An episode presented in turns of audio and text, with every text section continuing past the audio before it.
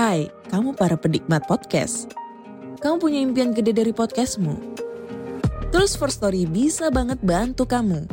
Mulai dari F-Link, Dynamic Audio Insertion, sampai statistik yang komprehensif. Semua ada di First Story.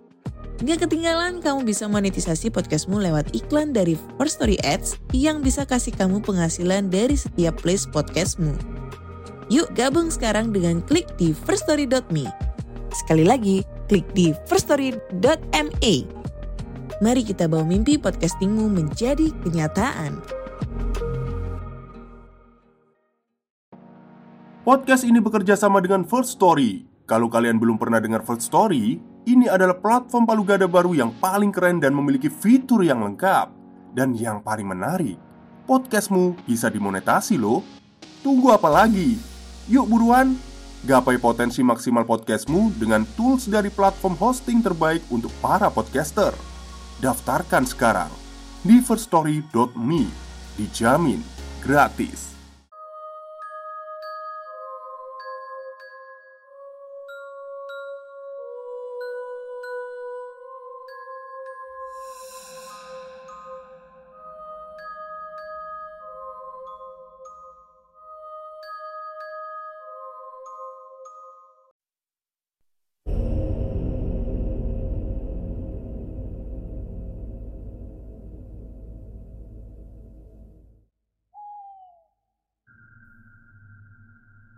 Assalamualaikum warahmatullahi wabarakatuh. Halo semuanya Jumpa lagi dengan saya Chow Sing Sing Kurator dari podcast Horror Night Story. Halo apa kabar semuanya?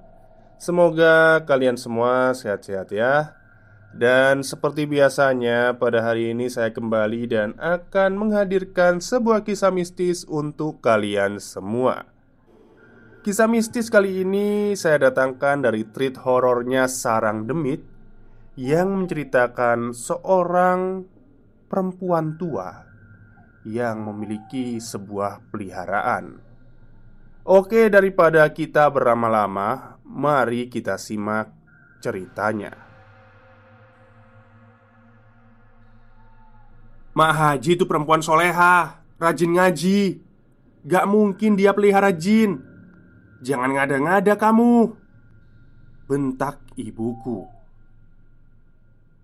Ibu mau bukti. Ibu denger kan Dia lagi ngaji sekarang? Ayo kita intip. Itu bukan Mak Haji yang ngaji. Ada makhluk lain di dalam rumahnya. Kataku membalas. Akhir tahun 2020 Yai Ahmad yang sudah jadi tetanggaku selama bertahun-tahun datang ke rumah. Beliau minta bantuan buat jual rumahnya. "Kenapa dijual, Pak Kiai?"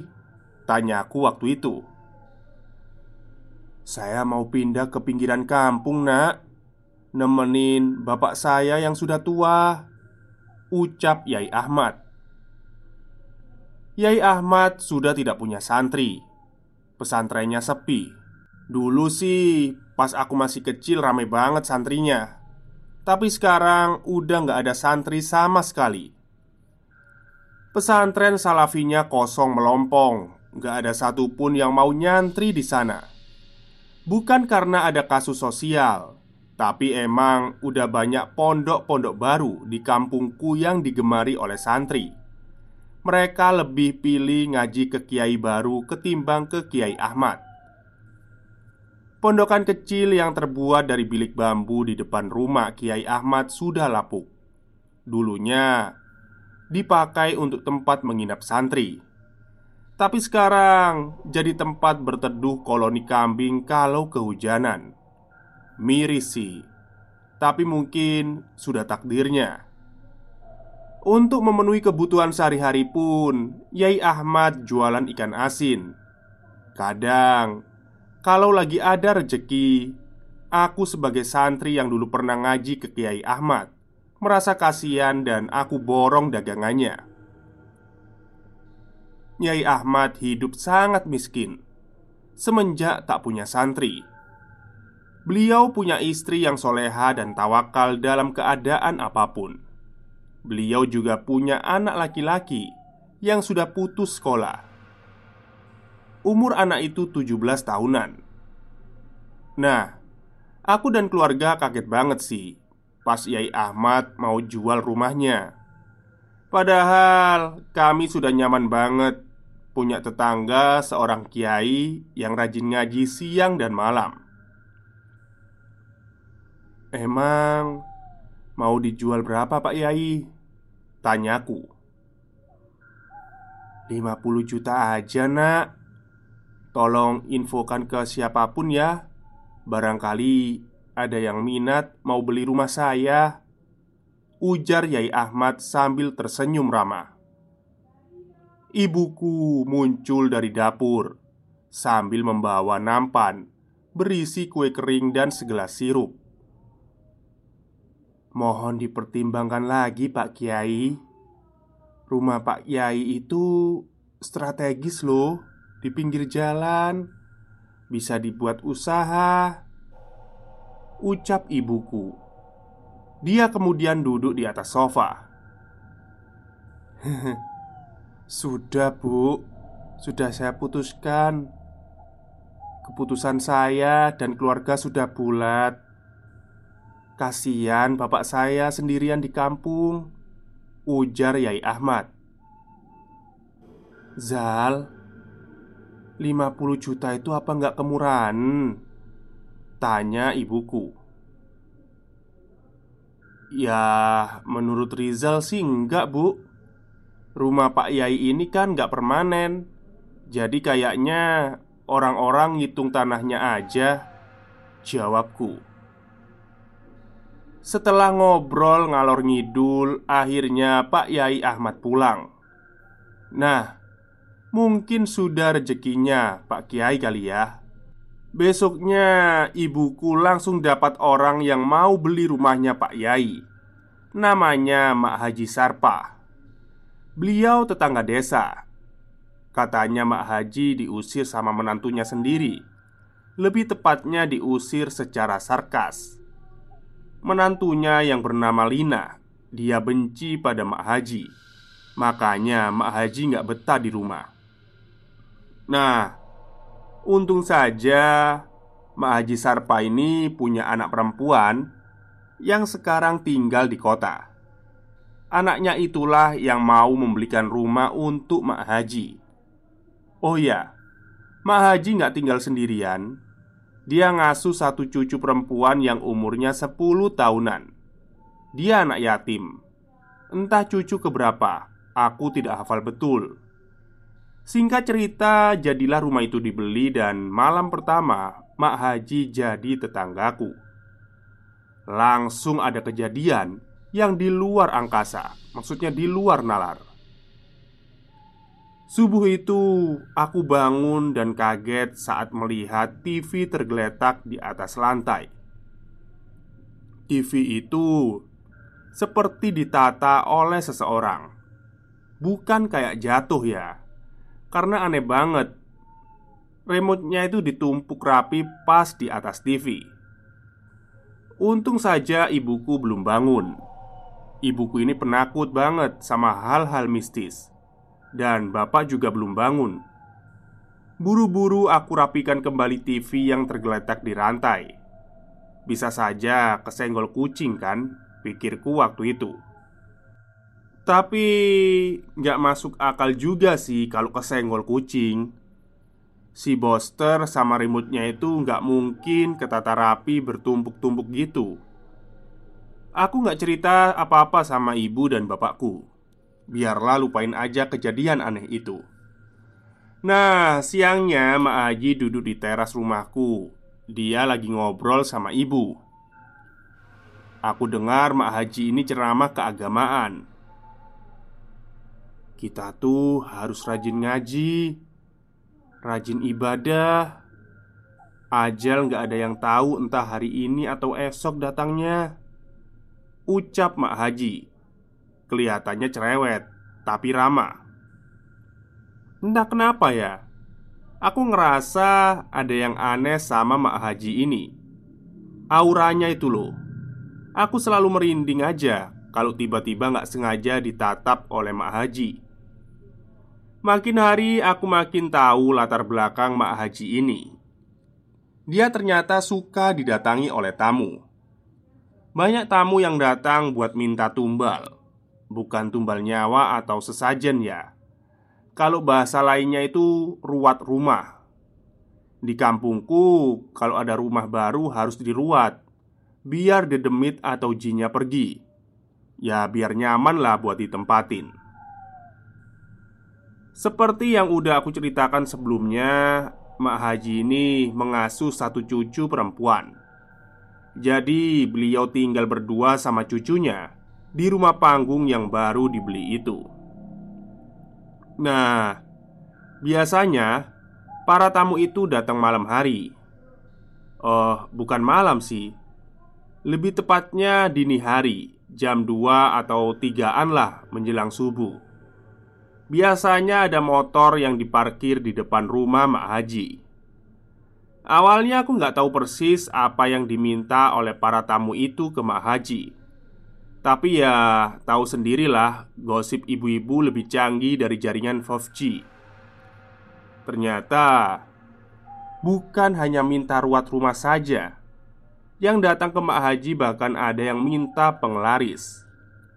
Tapi jujur ya, Aku orangnya itu nggak mau tahu deh sama urusan orang lain Biarin aja Nah, suatu malam sebelum tidur Aku WA-an sama pacarku. Sampai jam 11 malam aku ketiduran. Paginya tiba-tiba saja aku cek HP Obrolan di WA sama pacarku itu terakhir jam 2 dini hari. Padahal jelas-jelas aku tidur sebelum jam 12 Parah sih, kaget banget. Gak mungkin juga aku ngelindur sampai WA selama itu. Waduh, udah gak beres nih. Semenjak Mak Haji jadi tetangga baruku Sudah ada dua kejadian janggal di rumah. Kalau Mak Haji dukun Tapi kok beliau rajin ibadah ya? Setiap habis maghrib Pasti kedengaran suara Mak Haji lagi ngaji. Aku penasaran banget pengen ngintip aktivitas Mak Haji di rumahnya. Sehabis maghrib, kayak biasa, suara Mak Haji terdengar syahdu ngaji Quran. Nah, sengaja waktu itu aku diam-diam ngintip dari bilik dinding rumahnya. Dan saat itulah aku kaget sampai terjungkal ke belakang. Aku ngelihat Mak Haji lagi tiduran di atas kasur kapuk Sementara yang ngaji di sampingnya itu sosok lain Sosok itu mengenakan mukena, tapi wajahnya hitam sekali dan berbulu. Dia melantunkan ayat-ayat suci, tapi tidak memegang Al-Quran. Dia sudah hafal betul ayat itu. "Siapa ya?" tanya Mak Haji dari dalam kamarnya saat mendengar suaraku yang mengadu kesakitan. Aku sendiri langsung lari nyamperin ibuku di rumah. Bu, Mak Haji bu, Mak Haji. Ada jin di dalam rumahnya. Mak Haji pelihara jin. Kataku sambil ngos-ngosan. Eh, Mak Haji itu perempuan soleha Rajin ngaji. Gak mungkin dia pelihara jin. Jangan ngada-ngada kamu. Bentak ibuku. Ibu mau bukti. Ibu denger kan dia lagi ngaji sekarang. Ayo kita intip itu bukan Mak Haji yang ngaji. Ada makhluk lain di dalam rumah itu. Suara Mak Haji yang sedang melantunkan ayat suci masih terdengar. Udah ah, kamu jangan bikin ibu takut deh Jawab ibuku. Nak, gak boleh ngintip sembarangan rumah orang lain Gak baik. Bapak muncul dari dalam kamar Dia nampak kesal karena aku ngintip rumah Mak Haji. Besoknya Mak Haji datengin rumahku. Dia bahkan ngaku kalau emang pelihara jin, tapi jin yang beriman. Jin itulah yang membantu Mak Haji buat ruat rumah dan segala macam hal mistis. Dia juga minta maaf karena ada bebenjit yang nakal bahkan masuk sembarangan ke rumahku. Bebenjit itu apa Mak Haji? Tanya ibuku Ya, bebenjit itu anak dari jin yang saya pelihara, Bu. Tapi jangan khawatir, dia sudah pulang dan gak akan ganggu rumah kalian lagi. Ucap Mak Haji. Jangan takut ya, jin juga makhluk Allah. Sebagian dari mereka ada yang beriman dan sebagian lagi ada yang murtad, kata Mak Haji. Semenjak saat itu memang tidak pernah ada lagi kejadian aneh di rumahku. Tapi setiap kali ku dengar suara Mak Haji ngaji Aku selalu merinding.